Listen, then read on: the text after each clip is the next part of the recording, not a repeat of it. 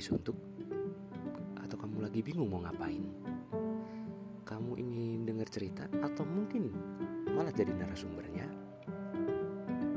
Yuk gabung bareng kita di cerita apa saja yang bisa kamu dengarkan kapan saja dan 100% gratis. Bareng saya Adit, kita akan bercerita mulai hari ini.